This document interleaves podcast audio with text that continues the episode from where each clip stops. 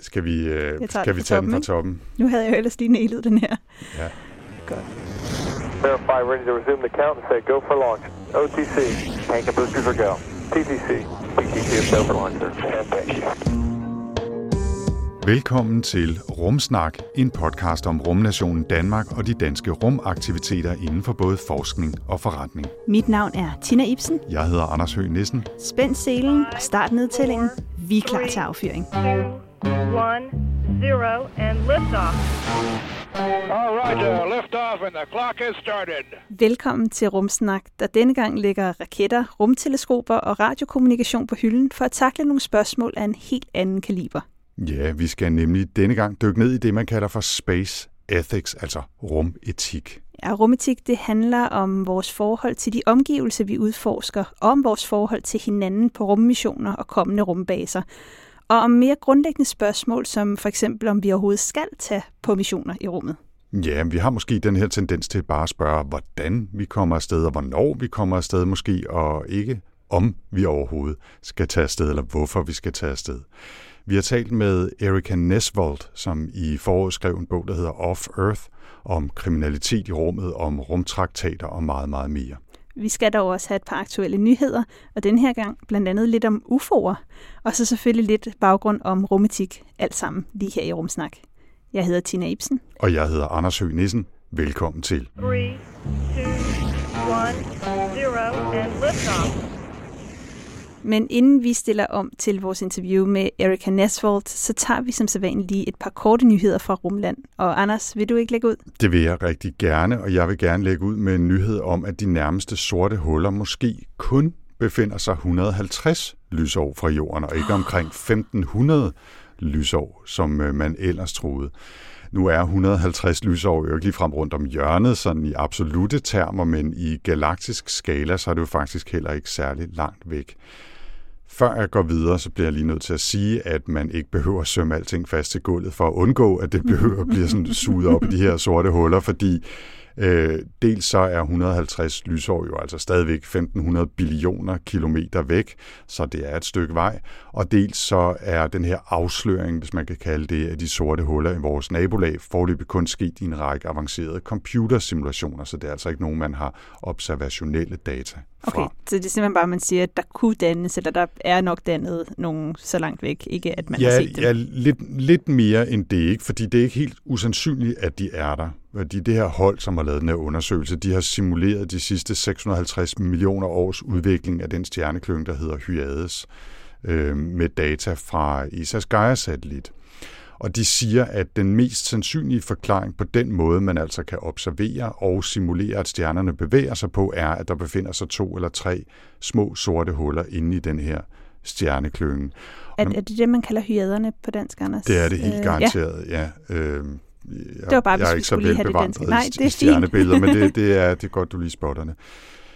Når man laver den slags simulationer, så kører man ofte forløbet igennem flere gange, for ligesom at tjekke, at man ikke bare har fået en eller anden øh, usandsynlig ting, der dukkede op ved et en tilfælde. eller anden outlier ja, et eller andet sted derude, ja. Og, og et af de øh, resulterende scenarier viste faktisk også en mulighed af, at de sorte huller kan have forladt hyaderne, var det, vi blev enige om, at vi kaldte det på dansk, for måske bare 150 millioner år siden. Og nu er det ikke, fordi jeg vil være tabloidagtig, vel, men det kunne jo faktisk betyde, at vi havde et par sorte huller, eller måske endda tre på vej mod jorden. Da, da, da. Så man skal alligevel begynde at sømme alting fast, selvom du sagde, man ikke skulle, eller hvad? Eller i hvert fald begynde at bygge et stort rumskib. Ikke?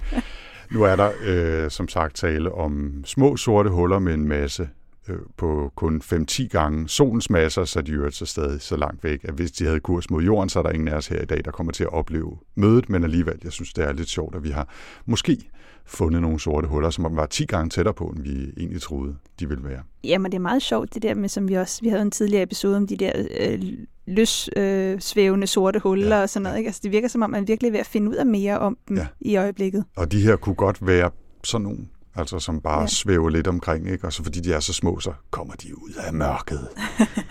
Nå, vi må hellere få lidt, øh, lidt seriøs videnskab på bordet igen. Tina, hvad har du med til os? Min nyhed i dag, den handler om øh, vedvarende energi. Mm. Øh, og en af de måder, vi jo i dag skaber grøn energi på, det er ved solceller, og nogle siger også, at det kommer til i fremtiden i Europa at være den måde, vi skaber allermest grøn energi på.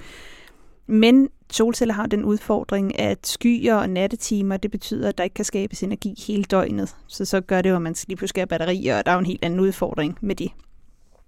Men nu har blandt andet den britiske astronaut Tim Peake, der jo netop er gået på pension fra ESA og nu skal til at lave noget andet, han har været ude at sige, at det ser ud som om, at med de opsendelsesomkostninger, der hele tiden falder, så er der faktisk ved at være en business case for at sende solpaneler i kredsløb om jorden. Og, øh, og jeg, jeg læste den og tænkte, jamen, det er jo fint nok, man kan skabe strøm derude, men hvad kan vi bruge det til her på jorden? Men faktisk så øh, kommer det her også i kølvandet på, at forskere fra Caltech, altså California Institute of Technology, her i sommer kunne vise, at de havde transporteret energi fra en satellit ud i rummet og ned til jorden. Øh, og det projekt hedder Space Solar Power Project, S SPP. Og, øh, og ideen det er, at energi det dannes i de her solpaneler ude i rummet, og så kan man faktisk via sådan laserstråler og mikrobølger sende det tilbage til jorden. Det er noget med, at man bruger forskellige faser af lyset til simpelthen at få, få dannet energi hernede på jorden. Det er sådan lidt teknisk. øhm. Men holdet på Caltech, de havde designet det her instrument, de kalder Microwave Array for Power Transfer Low Orbit Experiment, eller MABLE.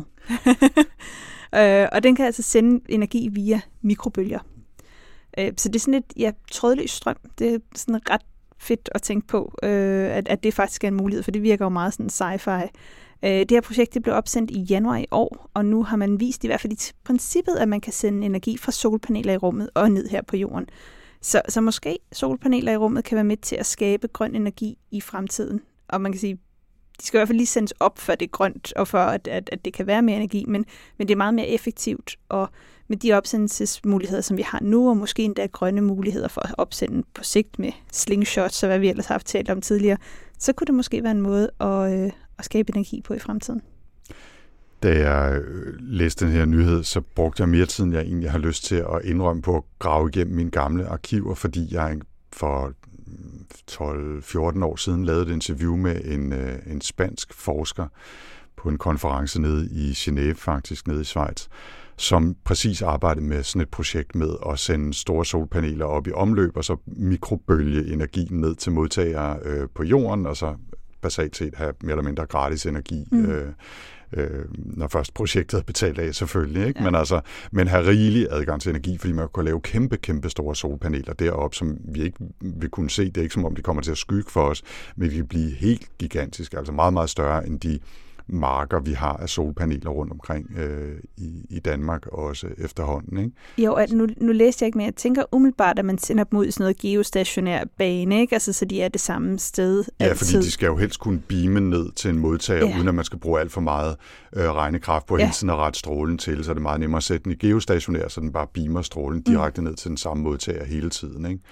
Og de modtager er i virkeligheden bare sådan en slags gitterværk, øh, som, som er sat op i den rigtige størrelse, øh, så de kan modtage den her mikrobølgeenergi, så man kan godt gro ting nedenunder, eller have dyr til at græsse der og sådan noget. Altså, det, er sådan, det er ret mm. crazy, hvad der kan lade sig gøre. Øh, Ja, og også at kunne frigive noget, altså jord, ikke? Til Ja, ja, der ja, ikke skal præcis. være solpaneler hernede. Og sådan Ja, det er så, præcis. Det er, det er ret spændende. så det, der, har- det har nogle spændende perspektiver. Ja, det, Og er, det er nok heller ikke noget, der sker i morgen, men det har nogle Nej. spændende perspektiver. Men øh, det kan være, at vi stadig laver rumsnak, når det sker. Hvem ved? Det håber jeg. Det håber jeg. Nå, men Anders, jeg tænker, at øh, du har mere med. Ja, en lille, en lille smule mere med, øh, sådan lidt fra den eksotiske afdeling, og det handler i virkeligheden måske lidt mere om matematik end om rummet. Men, Men men det, det kalder du eksotisk. Men det, altså, så meget matematik slynger vi os heller ikke Nej, om det er med. rigtigt. Altså, nå, Vi prøver at lade være. ja, du kender garanteret det, der hedder trelægemeproblemet. Det gør jeg. Ja, og, øh, og jeg må indrømme, at, at selvom jeg faktisk er matfyser fra, fra gymnasiet i forhistorisk tid, så øh, kan jeg først huske at være stødt på det her begreb, der hedder Three Body Problem øh, på engelsk, fordi det var titlen på en glimrende, men temmelig syret kinesisk science fiction roman af Liu Cixin, som udkom på kinesisk i 2008, øh, og jeg læste den så først på engelsk i 2012, må jeg indrømme, og det er jo et øh, første bind i en trilogi. Jeg har ikke læst de to næste, men dem glæder mig til at, at få kigget på også. Og den her bog, den handler om sådan first contact med, med fremmede intelligenser og foregår både i en, en mere eller mindre nutid under den kinesiske øh, kulturrevolution, og så inde i sådan en virtual reality-verden, der hedder World of Three Body, hvor de arbejder hele tiden med det her med flere forskellige himmellegemer, som øh, øh påvirker hinanden med tyngdekraft, og hvordan bevæger de sig så. Og det er faktisk et kæmpestort problem, altså noget, som har plaget fysikere og matematikere i århundreder at prøve at udregne, hvordan påvirker sådan tre store himmellegemer eller kroppe hinanden. Ja, for det bliver enormt hurtigt kaotiske systemer. Det gør det nemlig. Som, det er meget svært at sige noget særlig lang tid ud i, i fremtiden, fordi de, det, det netop bliver kaotisk, og så er det svært at beregne. Øhm, og, og hvis jeg nu lige skal citere Wikipedia, så handler et øh, trelægeme-problem om at bestemme bevægelsen af tre legemer eller flere med næsten samme masse, som gensidigt påvirker hinanden med en kraft, og i de fleste tilfælde, så tænker man på tyngdekraften mellem legemer. Og de skriver også øh, på Wikipedia, at bortset fra visse specialtilfælde er problemet uløst, altså præcis fordi øh, du siger, at det er kaotisk. Men og nu er vi så fremme ved nyheden. Øh, måske er det ikke helt så uløseligt, i hvert fald ikke for matematikerne fordi øh, Life Science rapporterede den her uge, at et internationalt hold af matematikere har fundet hele 12.000 svar på trilemma-problemet. nu skal jeg ikke gøre mig klog på hverken problemet som matematik eller de her mulige 12.000 løsninger, fordi det er altså øh, hvad, 35 år siden eller sådan noget, at jeg tog den her matematisk-fysiske ja, studentereksamen. Jeg tror også, det første er noget, man møder på universitetet. Det, så. det, det var i hvert fald ikke noget, jeg kunne huske. Men altså, øh, det, det er i hvert fald vigtigt at sige, at der er tale om teoretiske løsninger på det her problem. Altså ting, der fungerer matematisk, som kan beskrive en eller anden form for cyklus i den måde, tre lemer bevæger sig rundt om hinanden. Så kan det godt være, at det, det ser sådan lidt kaotisk ud, men efter et vist tidsrum, så vender de tilbage til den, til den samme, og så gentager mønstret sig. Og det er jo øh, på en måde, kan man sige, en løsning på det problem. Og det har de altså fundet 12.000 af. Ikke? Så jeg er ikke sikker på, at at der overhovedet er en eneste af dem her, der kan bidrage med noget særligt praktisk, hvis man ser på konkrete konstellationer af stjerner eller planeter, som kredser hinanden. Der kan jo være mange andre små og store påvirkninger af de her lemer, som man også kan tage med i beregningerne osv., men jeg synes dog, at, øh, at det er interessant, at man kommer videre med at takle problemet, og så bliver jeg altså bare lige nødt til at nævne det som glad læser øh, af den her roman, der hedder Three Body Problem af Liu Xixin, som øh, jeg vil anbefale, at man kaster sig over, hvis man er lidt science fiction glad derude. Og så øh, en kort bonus i den her omgang. Jeg tror, vi kommer til at love, at vi vil sige noget om UFO'er. Jeg tror ikke, vi vil sige så meget om UFO'er i Ej, den det, her omgang. det er ikke UFO-snak. Det, det er der en anden podcast, der laver det, derude. Vi, vi laver rumsnak, men NASA har jo præsenteret endnu en rapport om de her uh, uidentificerede, unormale fænomener, eller hvad det er, de har valgt at kalde dem, UAP'er. Aerial, aerial phenomena, eller yeah, unidentified aerial phenomena, tror jeg det er. Vi har også set det refereret som unidentified abnormal phenomena, så jeg tror, der er en lille smule. De skal med at finde ud af, hvad det er for noget. Vi kalder det UFO'er. Øh, der er dog heller ikke i, i den her rapport hverken små grønne mænd eller nedskudte UFO'er eller noget som helst andet. Til gengæld, det er måske så der, hvor jeg synes, vi kan klappe lidt i vores små rumhænder her. Rumhænder? lige meget. Vi kan klappe i vores små hænder, øh, fordi NASA har udnævnt en såkaldt øh, Director of UAP Research, som hedder Mark McInerney, og udstukket nogle retningslinjer for det fremtidige arbejde med UAP'er. Og det handler blandt andet om at styrke det internationale samarbejde, når det gælder de her observationer, som man ikke rigtig kan forklare, og ikke mindst om at få yderligere fokus på velunderbyggede data, når det gælder observationer af de her uforklarlige fænomener. Det synes jeg, vi kan bifalde, at man ligesom tager det som sit fremtidige fokus ja, øh, i også, arbejdet. Ikke? Også fordi det er jo sådan lidt, altså den her, det her spring fra, der er noget, vi ikke ved, hvad er på himlen til, så er det små grønne mænd, der er kommet fra Mars, eller et eller andet. Ikke? Altså det er, jo, det er jo den, der er lidt svær for mange at have, og det gør jo så, at, at de her ting slet ikke er blevet undersøgt. Hmm. Og det kan jo være rigtig, rigtig interessant, og det kan jo være alt muligt forskelligt. Øh, men, men fordi det har været sådan lidt linket til sølvpapirs hatte, så er det ikke blevet undersøgt, og rigtig mange, der er seriøse, har bare holdt sig langt væk fra det.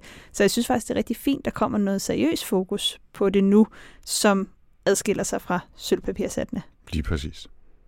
Vil du ikke også, inden vi hopper videre til temaet, så lige reklamere lidt igen for vores rumfestival, Tina? Jo, det vil jeg gerne. Det bliver sidste gang, vi gør det i en mm. episode, fordi at det er den 7. oktober, der holder vi Rumsnak Festival, og det er jo simpelthen årets rumfest, man kan komme til her. Hele eftermiddagen, der har vi workshop og talks for familiepublikummet og en rumfrokost. Og om aftenen, der har vi en rumsnak live via quiz, talks, astrofoto-workshop og meget, meget mere. Det er altså bare en lille smule det program, som vi har, øh, og om aftenen, der får man altså også rumtema aftensmad, kan jeg øh, afsløre. Mm.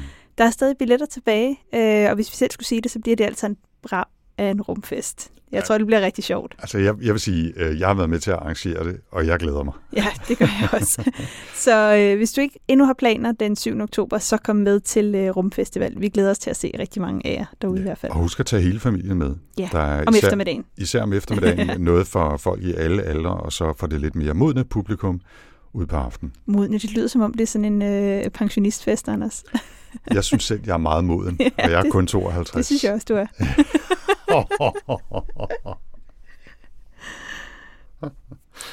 Oh, jeg føler mig lidt som sådan en avocado, der har ligget lidt for længe. Tak for det. Ingen kommentar. Jeg har. Okay, it's a nice ride up to now. Nå, til temaet. Her den 8. september, der foretog Virgin Galactic endnu en af deres såkaldte rumture til 88 km højde over jordens overflade. Ombord der var der to piloter, en instruktør og tre passagerer, og resterne af to af vores gamle menneskelige forgængere, der levede for 100.000 vis af år siden i det sydlige Afrika. Resterne bestod mere specifikt af 2 millioner år gammelt fragment af et kraveben fra en, og nu skal jeg prøve at flexe mit latin her, Australopithecus sediba, og en øh, cirka 300.000 år gammel stykke af en tommelfingerknogle fra en homo naledi. Og de blev transporteret i lille rør af den sydafrikanske milliardær Timothy Nash, som altså var en af de her tre passagerer på Virgin Galactic flyvning. De her fossiler de var udvalgt af en gut, der hedder Lee Berger, som arbejder på universitetet i Witwatersrand i Sydafrika og repræsenterede ifølge ham menneskehedens anerkendelse af vores forgængere. Alle ombord på det her fartøj fra Virgin Galactic, som hed VSS Unity, inklusiv knogleresterne fra de gamle forfædre, landede sikkert en time efter opsendelsen, men fossilernes rejse har fået stor kritik fra arkeologer, antropologer og andre forskere, fordi de siger rimelig enigt, at det var et uetisk reklamestund, som satte værdifulde fossiler på spil uden et videnskabeligt formål, og samtidig rejste også store spørgsmål om den manglende beskyttelse af vores fælles kulturarv. Historien er altså et oplagt eksempel på, hvorfor vi har brug for en rumetik, altså en form for grundregler for, hvordan vi som mennesker bør opføre os, når det handler om rummet i bredeste forstand. For uanset om man mener, det var helt okay, at Tim Nash havde nogle gamle knogler med ombord i VSS Unity, eller om man synes, det var respektløst over for videnskaben, og ikke mindst de for længst afdøde individer, som lagde knogler til, så kan de fleste nok være enige om, at det i hvert fald har været en god idé at tage en snak om de etiske implikationer før selve flyveturen rumetik er jo ikke nødvendigvis noget, som er fuldstændig adskilt fra jordetik, hvis vi skal kalde det det. For i virkeligheden så er det jo bare, kan man sige, mange af de samme overvejelser, som vi gør os og har skulle gøre os i årtusinder hver dag, både som individer og på, på samfundsniveau. Det handler om arbejdsforhold, om diversitet, kriminalitet, miljøhensyn, respekt for forskellige kulturer og alle de her andre ting, der ligger i etikken. Men selvom rumetik bare i gåseøjne er normal etik, så er der trods alt nogle særlige forhold, som gør sig gældende i rummet, og som kræver, at vi tager særlig stilling til de etiske implikationer af alt fra raketopsendelser og navngivning af himmellegemer, til de sociale gnidninger på eventuelle fremtidige Marsbaser og meget mere. Ja, for nu bare at tage et par hurtige eksempler, så kan man jo spørge, hvordan vi skal forholde os til noget så ekstremt som mor i rummet, hvis det kommer til at ske en dag, eller hvilke sociale strukturer vi gerne vil understøtte, for eksempel på et generationsrumskib på vej mod en fjern stjerne. Det er altså alt sammen noget, man kan læse om i Erika Nesfolds bog Off Earth. Ethical Questions and Quandaries for Living in Outer Space, altså uden for jorden, etiske spørgsmål og dilemmaer fra livet i det ydre rum, sådan lidt, lidt løst oversat. Mm. Øhm, bogen undersøger altså mange af de her problemer, som dukker op, når man begynder at tale om at kolonisere rummet. Det er for eksempel sådan noget som, hvordan vil vi dele og beskytte rummiljøet? Hvordan vil vi håndtere konflikter mellem bosættere og mennesker på jorden? Hvordan vil vi opdrage børn, dyrke vores kultur og tjene til livets ophold? Og hvem får vi overhovedet lov til at flytte ud i rummet til at begynde med? Mm. Nu er øh, Rumsnak jo en podcast, hvor vi normalt taler med danskere eller andre, som har relationer specifikt til rumnationen Danmark. Og så vidt vi ved, har Erika ingen relation til os herhjemme. Men etik og særlig rumetik er jo noget, som har betydning for os alle sammen, også os danskere, og derfor synes vi altså, det var relevant at snakke med Erika, så er det jo en, en rigtig god bog. Vi skal måske også lige sige så, at øh, interviewet foregår på engelsk. Vi skal nok, nok komme ind på dansk og sige øh, lidt en gang imellem, så man, øh, så man bliver opdateret og kan følge helt med. Men hun, hun øh, taler meget tydeligt, og det burde ikke være noget problem for nogen at følge med. Så lad os stille om til interviewet med Erika Nesvold, som her lægger ud med at præsentere sig selv. 5, 4, 3, two, one, zero, and liftoff. I'm Erica Nesvold. Um, I'm an astrophysicist or an astronomer, and uh, what I do for my day job right now is I work for a video game company making a game called Universe Sandbox, which is an astronomy and, and gravity simulator. But in my spare time, I'm also a writer and I guess you could say a space ethicist. I write books and articles on the ethics of space exploration and space settlement. And to, to set the scene, could you give us an example or two of situations or issues that would uh, fall into the uh, field of space ethics? Sure. So, um, one space ethics consideration that we're dealing with even today is about how to protect the space environment from us as we move farther out into space, and in particularly as we want to start using space resources. We all know the harmful effects that humans have had on this planet as as we've tried to get more resources out of the environment and we want to prevent that from happening in the future. But there's an ethical component of, of um, how much we need to balance our needs versus the environment's needs and how much we need to distribute the benefits of space among humans. And then in the farther term, as people start living out in space in, in small and then large groups on a longer term basis, there's a lot of questions about how we'll live together in space, how we'll share that land, how we'll uh, address conflicts uh, between ourselves and between communities, and even how we do things like raise children in space. Som Erika forklarer, så handler rumetik både om hensyntagen til omgivelserne, når vi bevæger os ud i rummet, og om de mange situationer, hvor etik spiller en rolle i vores hverdag. Øh, på den måde er rumetik jo bare etik, men ude i rummet. Men er det for eksempel vigtigt at tage hensyn til det kolde vakuum i rummet, eller de golde overflader på månen eller Mars, når der med stor sikkerhed ikke er noget biologisk liv? Ja, det er det, siger Erika. So there is a concern on certain environments where we haven't established for sure that there's no life, and, and certainly the astrobiologists want to make sure we're all very careful not to contaminate those environments and confuse ourselves. But on an environment like the moon, where we're all very certain that there's not life there, there's some interesting ethical questions about how much we need to still worry about protecting that environment. Um, because as you say, most people, when they think of environmental protection, they think about rainforests or coral reefs or panda bears, and we don't have any of that. It's just bare rock on the moon. But this is a, a pristine environment that's older than our species, and it's worth taking a moment to ask whether we should cause permanent changes to that environment, whether because we're landing rockets there, which can kick up a lot of debris, or whether we want to build mines, uh, which obviously are very harmful things in any environment. And there's also a question of how much of that environment we need to protect for future humans. Do our descendants in the far future have the right to be able to, to walk around in an untouched wilderness on the moon? Or do they have a right to some of those resources, um, meaning we shouldn't use them all up as fast as we can? Ja, det er klart, at vi skal vise hensyn til vores omgivelser derude, også selvom der ikke, så vidt vi ved i hvert fald, er andre intelligente væsener eller bare biologiske organismer i nærheden. Som nævnt ser rumetik både på menneskers forhold til omgivelserne, når vi tager ud i rummet, og på mellemmenneskelige forhold, når vi er derude, eller i forhold til dem, der er blevet tilbage. I sin bog, der dykker Erika Nesvold også ned i en af de mere ekstreme potentielle situationer, man kan komme ud for på en rumstation eller en base, nemlig mor. the scenario of a murder being committed in space might feel like science fiction, but there's been plenty of good examples of, of murder in all kinds of different places on Earth.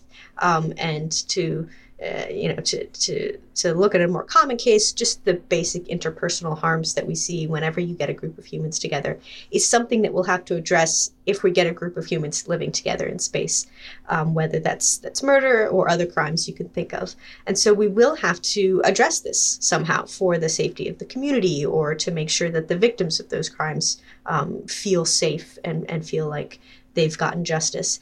And when you start thinking about how we would address that kind of interpersonal harm in space, most people, especially most Americans that I've talked to, just default to whatever system we use here on Earth. Uh, for Americans, of course, that is prison, and for many countries today, a, prison system is very common. But prisons would be very impractical in space. You need a lot of resources and a, a lot of labor. Um, you need actual room in your habitat. Um, you've you've if you've imprisoned someone, you've lost their contribution of labor unless you want to force them to work, and that's got its own practical and ethical issues. And there are a lot of ethical concerns about prisons, even here on Earth, that a lot of people are studying and advocating about today. And so it's worth taking this moment now, when we haven't had these crimes committed in space, to ask whether there are alternatives that have been used on Earth, um, alternatives historically and today to prison systems that we could use in space that would be more practical and perhaps even more ethical. Um, and it's important to do that planning now and not just have people walk the plank, so to speak, as they, they did yeah. on the high seas. uh, and a very common cliche in science fiction, as most people are probably aware, is what I'm, I call airlock justice, which is the idea that if someone commits a crime, just kick them out the airlock. It's certainly the cleanest method, and people love to point that out on the internet when I talk about this. But I think, uh, jokes aside, most people would agree that you can't possibly treat every crime with a, a, death sentence, which is what banishing someone from a space settlement or kicking them out an airlock would be. Um, not only is that extremely unethical in most of our value systems, but it's a huge waste of resources. So we need a better alternative. Mm-hmm. I'm sure there are people out there thinking, why are we discussing space ethics? Uh, why shouldn't we focus on more pressing issues down here on Earth? That's a fair question. And in particular, I um, while I think that human space settlement will eventually be possible, I don't think it's going to happen as fast as some uh, advocates in the space uh, think that it will. And so it, sometimes I ask myself, why am I worried about this if it's going to happen long after I'm gone and, and generations in the future? But what I've found throughout doing this work is that having these conversations at all, getting people to think about, oh, well, what would you do about criminal justice in space, for example, um, lets them imagine these scenarios in a in a different uh, science fiction context, which appears to let them come up with solutions for these social problems, solutions that are much more radical than they would ever consider possible on Earth. Most Americans, even if they don't think prisons are a good idea, would struggle to imagine how we would get to a system without prisons from where we are today. But it's easy to imagine a space settlement on Mars that's never had a prison. How would you build that from scratch? And so I found that having these conversations in the context of space lets people not only learn about the problems that we have on Earth today, but also come up with solutions that they wouldn't otherwise be willing to entertain. And I think that's valuable. Yeah, they're not confined by what actually is happening right now. So, and, and what we actually have on Earth. So we can maybe hopefully think a bit more utopian uh, in order to, to move towards uh, towards that here on Earth as well. Yes, and I've, I've heard people working in, in climate activism say that um, while it's important to be realistic and tell everyone what the problems are, it's not that helpful to just frighten everyone uh, with a future dystopia. It's more important to give them a good future to work towards, a, a, vision of the future that we want, that we can work towards. And I think space can give us the same um, kind of motivation. To, if we can build together a vision of a future we would all want to see for our descendants in space, why not work towards that future here on Earth at the same time? Mm. Nej, som Erika siger, så kan man ikke altid bare smide folk ud af luftslusen, når de har begået kriminalitet. Dels er det ret diskutabelt, om vi overhovedet skal tage ideen om dødsstraf med ud i rummet. Dels er det lidt mere nøgternt et spild af ressourcer. Hmm. Men altså igen, rumetik handler om et bredt spektrum af situationer og aspekter af vores liv og samfund, som er vigtige hernede på jorden, og afgjort ikke mindre vigtige ude i rummet. Så kan man selvfølgelig også spørge, om det ikke er en anelse præmaturt at gå i gang med at diskutere de etiske aspekter af rumfart og kolonisering af rummet, når vi knap nok har taget de første skridt væk fra vores egen planet.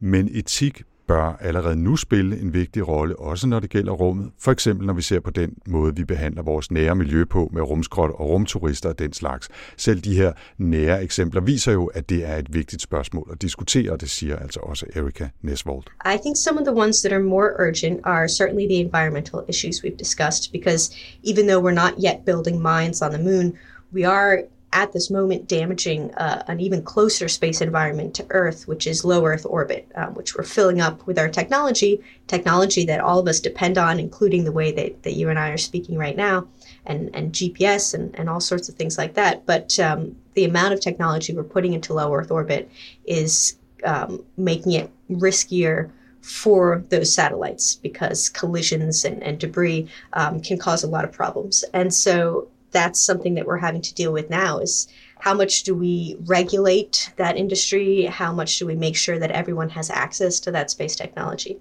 Um, and then there's also questions at the moment, even though no one's trying to live permanently in space, there's some interesting questions about who should get to go to space. Um, we've moved from only uh, only national space agencies choose astronauts and send those astronauts to space. Now we have private companies, which have opened the door a little bit to space, but mostly just to very rich people. And so there's interesting questions to be asked about. Um, of all of the humans who want to go to space, which are there's quite a, few of us, um, how should we decide um, who gets to go and have that experiment experience, who gets to represent humanity, and in the future there'll be questions about who should get to live and work in space the way that I've thought about it is I started thinking, do we really need a, a, a space ethics um, consideration or, I don't know, advocacy group or, or something? But it's basically just all the problems that we have here on Earth. And they will follow us wherever we go, wherever people go, there will be these issues. Absolutely. A, a lot of advocates of space settlement like to describe space very poetically as a blank slate where we can start over and build better communities. But I argue that space is only a blank slate until humans get there and will bring all of our problems with us. Do you think there are major differences between uh, the ethics that we probably, hopefully, uh, are working towards here on Earth, and then space ethics. Uh, is there a fundamental difference in what we should do or hopefully will do uh, when we get out there in a more permanent way? Actually, I think it, we have exactly the same ethics. We just uh, we just need to remember that. I, I, think one problem I see is that um, some people approach space as being a fundamentally different environment where from their perspective, we'll be able to to build utopias that we couldn't on Earth because there's no government oversight or, or because we could start over without biases. Um, but I believe we'll, we'll face the same problems and we will have the same values. And so to me, that means that we'll need the same same ethical approaches. Um, now, the environment, of course, it's, is what's different. And I think the environment will pose extra challenges um, to these these ethical systems and, and, and pose uh, fresh new ethical problems that we maybe haven't had to deal with on Earth, but we should approach them the same way. We should think about what our values are, what we want our values of our our descendants to be, and um, and how we want to protect the the rights of everyone involved um, in in this situation. Colonization of space might take longer than at least uh, some of the companies would have us believe. How realistic do you think it is at all that we will have at some point in the not so distant future uh, permanent uh, bases or, or even uh, things that we might term colonies on, on other planets? Um, I think that there's still several open questions that will determine whether it's possible. There's certainly the, the technological questions, many of which are physiological questions. We don't know for sure that we can build habitats that protect humans from the damaging effects of space, for example, radiation and microgravity, um, for the length of time, you know, for, a human lifetime, for example. We also don't know whether it's possible to um, have healthy human reproduction in space, which is key if you want to have a self sustaining population. And so we still have to answer these big physiological and technical questions, but people are working on those. The other big question that I feel is unanswered so far is whether there's an economic case. And this is true whether we're doing this uh, in a capitalist system or whether the nations of the world decide to get to get together and do it. We need to figure out whether there's something in space that we can't get on Earth, that we can get in space that's worth all of this time and cost and risk uh, for us to go out into space and get. If we can answer that question positively, then I think there'll be enough motivation for us to solve the technical problems. But I don't know if that's true yet. Now that actually leads me to my, my next question because you say there's the whole can we go to space and then there's this should we go to space. What do you think are the arguments for human space exploration at all? Because often I hear, oh, it's part of our DNA, we're explorers, uh, all of these things. What what do you think? I think it's important to examine our our stated motivations for why we want to settle space, if we want to settle space. Um, some of them are surprisingly spiritual, I would say, especially since they're being presented by scientists and engineers. You usually don't hear that type of argument, but if you stop and look at the argument that it's humanity's destiny, um, it, it, starts to get very much into the spiritual realm. It very, certainly gets very poetic. Um, and it's fairly scientifically flimsy, the argument that we're somehow genetically predisposed towards exploration or migration. Uh, people point to the fact that humans have migrated across the earth, um, but they seem to miss the fact that most humans stayed put where they were and built relationships with the land um, throughout history. And so that's an equally important part of our history and certainly of our future. There's other arguments that, um, economic ones, for example, that we can't stagnate because it will be bad for us economically and culturally. But I think that just leads us into a future where we're constantly having to expand farther and farther out and never having to learn how to live sustainably within an environment. And I think that's a more useful skill for us to develop. Um, and then there's a concern that eventually the Earth will be uninhabitable no matter what we do. So eventually we'll have to learn how to live on other planets. That one's more convincing to me. Um, but to me, all of these different motivations will affect the decisions that we make in space. If we're going for profit, then we're going to make different decisions than if we're going to preserve the future of humanity. And so that's why we need to really examine all these motives. And I think it's also important to engage with the people who say we shouldn't go to space, either because um, we'll just end up causing more harm or because we need to perhaps mature more as a species. Um, I don't agree completely with these arguments, but I think it's really important for us to to listen to them and especially to listen to them when they point out the potential harms we could cause through our actions. Have there been situations already where you have uh, seen ethical issues been addressed or perhaps haven't been addressed properly? Um, so one example that I think is really interesting that I actually only learned about after I wrote my book, so this isn't in there, um, is the case of the Lunar Prospector, which was a lunar mission, a mission to the moon, which at the end of its mission was crashed into the moon deliberately, and um, it carried on board the spacecraft, carried the ashes of an astronomer named Gene Shoemaker, who helped discover the Shoemaker Levy comet. He had always wanted to be an astronaut and wasn't able to. And so when the mission was being put together, it was proposed that his ash, some of his ashes be included on the lunar prospector and were thus crashed into the moon. It's the only person whose whose remains are on the moon, um, which, from the perspective of his family, certainly his wife and a lot of the people who worked with him, felt like a very uh, respectful way to celebrate his life and his dedication to space.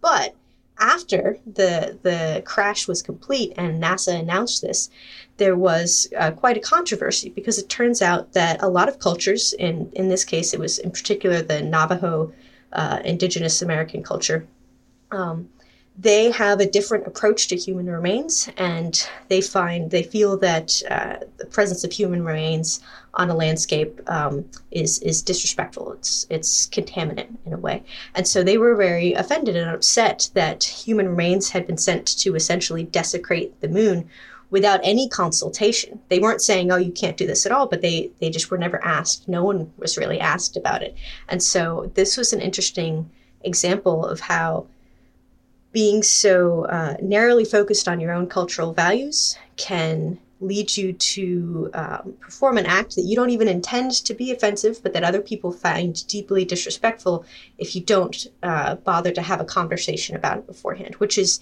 really a lesson for all of these activities we do in space, um, is that if we say that we're acting on behalf of all humanity, we need to make sure we're consulting with all humanity and seeing what everyone's perspective is. Ja, der er mange overvejelser at gøre sig, og måske er det en god idé i hvert fald at prøve at tænke over nogle af de etiske aspekter af vores færden og aktiviteter i rummet, også før vi bare gør ting derude. For der er mange udfordringer, der ligger og lurer, og som allerede er vigtige at takle i rumbranchen, som vi kender den, hvor der er masser af problemer og etiske spørgsmål, som vi måske bare ikke rigtig har taget ordentligt fat på endnu, selvom de altså også spiller en rolle længe før vi går i gang med at kolonisere Mars eller at sende et rumskib afsted mod Alpha Centauri. Ja, vi spurgte for eksempel også Erika om, hvordan man kan sikre, at rummet bliver for alle, og hvilken rolle det spiller, hvordan vi taler om rummet med kolonisering og udvinding af ressourcer, og noget man måske godt kunne kalde ekstrem liberalisme. What I find interesting is that these these narratives that we're used to thinking about when when we think about space and especially space colonization, they're very masculine, very, they're very Western. They tend to be um, very white, very capitalist. But that's really just what the loudest, the most dominant narrative is right now, because it's mostly people who are either trying to um, advocate for permissive regulation or they're trying to get investments. Um, and so they're trying to build a specific narrative. But that doesn't mean that no one else has narratives about space. And in fact, every culture has narratives and, and worldviews about space and what space means to them and what space means for humanity and what our responsibility is towards space. And um, I'm fascinated by all of those different cultural appro- cultural approaches to space. And so, one thing that's important to me is making sure that all of these different approaches um, have equal weight in the conversation, that they get amplified. Uh, because I think that is the best way to get anywhere close to democratizing space. Um, whether we end up sending humans to live in space through a capitalist system, which would be very individualistic, or whether it's more of a group effort on behalf of nations or groups of nations, um, the the challenge will be trying to actually be representative of all of humanity. Um, because there's not many things we've done here on Earth that have given everyone a say, right? So we, we haven't solved that problem on Earth. We haven't solved it for climate change. It's something we're still working on. But I think a first and important step is acknowledging that different people have different beliefs about what we should be doing in space and what our duty is to each other and, and to the environment. But I guess a, a huge challenge, and this is probably analogous to the um, to the colonization that's happened in the last several hundred years here on Earth, is that it is mainly uh, rich, uh, mostly Western, mostly white dudes uh, who go out and, at least for now, explore space or, or talk about colonization. Can we can we trust them to uh, listen to the rest of us. I'm saying as a middle-aged white Western dude, but hopefully with the heart in the right place here. Um, well, I'm an optimist, uh, which is which is not the case for everyone working in space ethics. But as an optimist, I, I, think there is hope. And part of what gives me hope is that when I first started working on this, I was concerned that I'd get a lot of pushback from the private space industry since I was criticizing them and much of their plans. But I've met so many people now who work for commercial space companies who really want to do their work in a in a just and ethical way. And, and they reach out to organizations like the just space alliance to say how can we do this? We want to do this right. And so the number of people involved who really want to build a better future in space is uh, is very heartening to me and I'm also encouraged by the amount of progress that activists have made on Earth um, in other spheres, whether that's climate change, which I'm still an optimist about, and human rights in general over the past couple of centuries. Certainly felt um, at the beginning, I'm sure, like there was no hope uh, against the people in power who wanted to preserve their power. But so much progress has been made um, by by groups of people um, who are taking action and, and, making convincing arguments. And so, yeah, I, I think there's hope in the future. I, I, think it just just takes effort and deliberate effort. What we have today is, apart from the the big national uh, space agencies, we have a, a, a crop of, of, private companies that are delivering satellites to space or having plans for building uh, hotels on the space station or um, even uh, building bases on on Mars uh, habitats at least. What do you think of, of sort of the current crop of, of private space companies? Are they uh, doing it ethically? Um, I think some of them are working harder on doing their work ethically than others. I think part of the problem is that um, you you can't. It's a bit of a waste of time to to focus too much on one company um, because I think this system as a whole is uh, leads to a lot of unethical behavior, even if the individuals involved don't think of themselves as being unethical. And this goes back to the idea that our motivation for what we do in space will affect our decisions. Um, if our motivation for going into space is for some people to make a lot of money, that will lead naturally to people um, wanting to cut corners, to save costs, to damage the environment through their actions, to exploit workers through their actions. Um, and we've seen this over and over again here on Earth, and, and our legal systems and our economies are very much structured this way, which makes it hard to fight this just in the context of space, of course, uh, because it's a larger system we're working within. Uh, but that's my main concern with private space companies in general. It's not that individual companies are being run by evil people, it's that the system itself leads us in unethical directions sometimes. Der er nogen, der arbejder med demokrati og diversitet og bevidsthed om klima og kulturelle forskelle og alt det andet, der er en del af samlebetegnelsen rumetik. Men det er nok ikke særlig mange. Så hvordan kommer vi videre, og hvordan kan vi arbejde bare lidt mere konkret med rumetiske aspekter af rumfarten og rumbranchen, også når det gælder de små spæde skridt, vi er ved at tage i disse år? So, one big way is certainly international policy. And I'm not an international policy maker, but fortunately, there's a lot of people working, space lawyers and, and diplomats and, and policymakers, who are working really hard on every aspect of these problems. Um, the ones I've talked to, mostly their worry is that the private space industry in particular is moving faster than regulation can keep up just because of the nature of regulation. Um, but that work is in, important to do. But there's still a lot of work that can be done by the rest of us, those of us who aren't space lawyers. Um, certainly, people who are working in the space field, whether they're astronomers or people who are working for private, private space companies, they can advocate for more ethical actions by their institutions. Um, and another thing I, I point out in the book is that they should look around at the organizations that they're in today and see whether the values they want to see upheld in space are being upheld today in, in their own institutions? Are workers being treated fairly? Um, do you have diverse inputs um, from lots of different groups? Um, are you treating your environment well, even if your environment is an office building in Florida and not the moon? Um, I think that whatever values we're upholding now are what are going to be perpetuated in the future. And um, and even if people aren't working in the space industry, there's there's a lot that can be done just through conversation, um, just through becoming aware of more of these issues, learning more yourself, uh, reading and listening to uh, groups that are different than you about their perspectives on space, um, and then just having conversations. You talk about Erica starting a conversation, um, starting having uh, addressing these issues here. So do you have any suggestions for beginning such a work on ethical guidelines in different nations? Let's say, let's say Denmark, for example, where, where we in Rumsnak are, are living. Um, well, I I don't have specific uh, advice for Denmark because I don't know enough about your your space activities. But I think that all countries, even the ones that aren't spacefaring at all, there are plenty of nations that don't have any any activities in space. Um, they have people who are interested in space, and certainly plenty of people who use the uh, the benefits of space because so much of our our lives are dependent on space technologies today. And so I think that centering your work and your conversation around whatever whatever aspect of your lives and whatever aspect of your your local um, uh, uh, neighborhoods use space. That's that's a good place to start. Is look around you and think about what are you using space for today, whether that's to, to navigate as you drive across the city. Um, a, a, lot of uh, agricultural work uses space technology, for example. Look at and see whether those benefits are being equally distributed. Look and see whether um, the technology behind those benefits is causing any harm, and uh, and just try to dig in to see whether space ethics is actually already touching your lives today, and whether there's work you can do there. I don't believe it's possible for us to just build a utopia in space, and certainly not on the first try.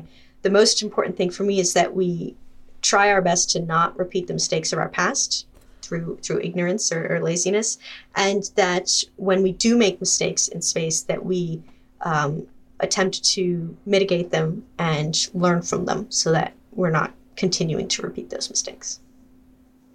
Og det fortalte altså her Erica Nesvold, forfatter til bogen Off-Earth Ethical Questions and Quandaries for Living in Outer Space og medstifter i øvrigt af Just Space Alliance. Jeg tror også, at Erika fik nævnt, at hun til hverdag arbejder i et firma, der hedder Universe Sandbox, og det er altså også øh, rimelig cool.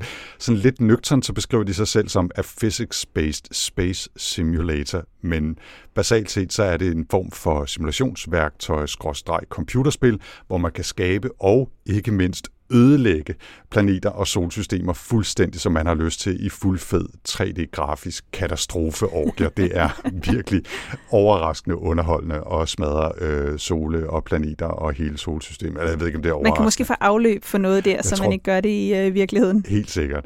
Det er i hvert fald værd at tjekke videoerne af, øh, hvad simulatoren kan, og hvis man har lyst til selv at prøve, så kan Universe Sandbox spilles på online-platformen, der hedder Steam. Vi linker selvfølgelig til Erica Nesvolds site til Universe Sandbox fra vores show notes. Okay, it's a nice ride up to now. Og med det er Rumsnak landet for denne gang. Næste gang står den på live-episoden, som optages til vores Rumsnak Festival, der afholdes den 7. oktober i København. Der er altså stadig billetter, så hvis man vil med til Rumsnak Live, Rumsnak Quiz, til talks, spise rummad og meget mere, så kan man finde billetterne inde på vores hjemmeside rumsnak.dk. Hvis du i mellemtiden vil vide mere om de ting, vi har talt om i denne episode, så husk at tjekke show notes til podcast, hvor vi altså linker til mere information om både nyheder og rumetik. Og hvis man ellers vil vide mere om Rumsnak, så kan man finde os på Facebook, Instagram og LinkedIn. Og man kan også læse mere om os på vores egen hjemmeside, rumsnak.dk, hvor at man også kan finde vores lille butik med Rumsnak Merchandise. Og husk, at hvis du har spørgsmål eller kommentarer til os, så skriv en mail til infosnablag.rumsnak.dk eller på vores sociale medier. Husk også, at hvis du synes, det har været spændende at lytte til Rumsnak, så er du velkommen til at dele med familie, venner og andre nysgerrige derude. Rumsnak er støttet af Novo Nordisk Fonden og bliver produceret af Podlab. Jeg hedder Anders Høgh Nissen. Og jeg hedder Tina Ibsen. Tak for denne gang.